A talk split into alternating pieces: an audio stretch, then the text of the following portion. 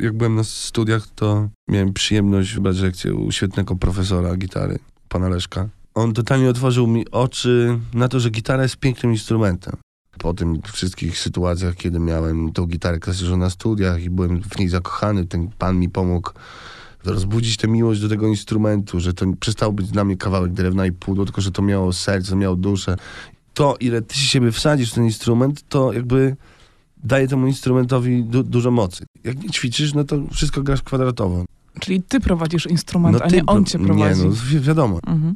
Tylko, że trzeba dużo ćwiczyć. Ale jakby ćwiczenie ćwiczeniem. Jak nie ćwiczysz, no to ciężko jest uderzyć palcem w klawiaturę, tak jak właśnie sobie teraz zażyczysz. Co, jak tu teraz poczujesz tak delikatnie, żeby zrobić pianissimo. Nie zrobisz tego, jak nie ćwiczysz, jak nie masz wyczuł tej, tej klawiatury. Zresztą nie jestem jakimś super ekstaznawcą, ale jest coś takiego, że jak coś czujesz, Mhm. to jesteś w stanie to ufizycznie. I jak masz tylko narzędzie, no to nie ma w ogóle opcji, żeby coś się nie udało.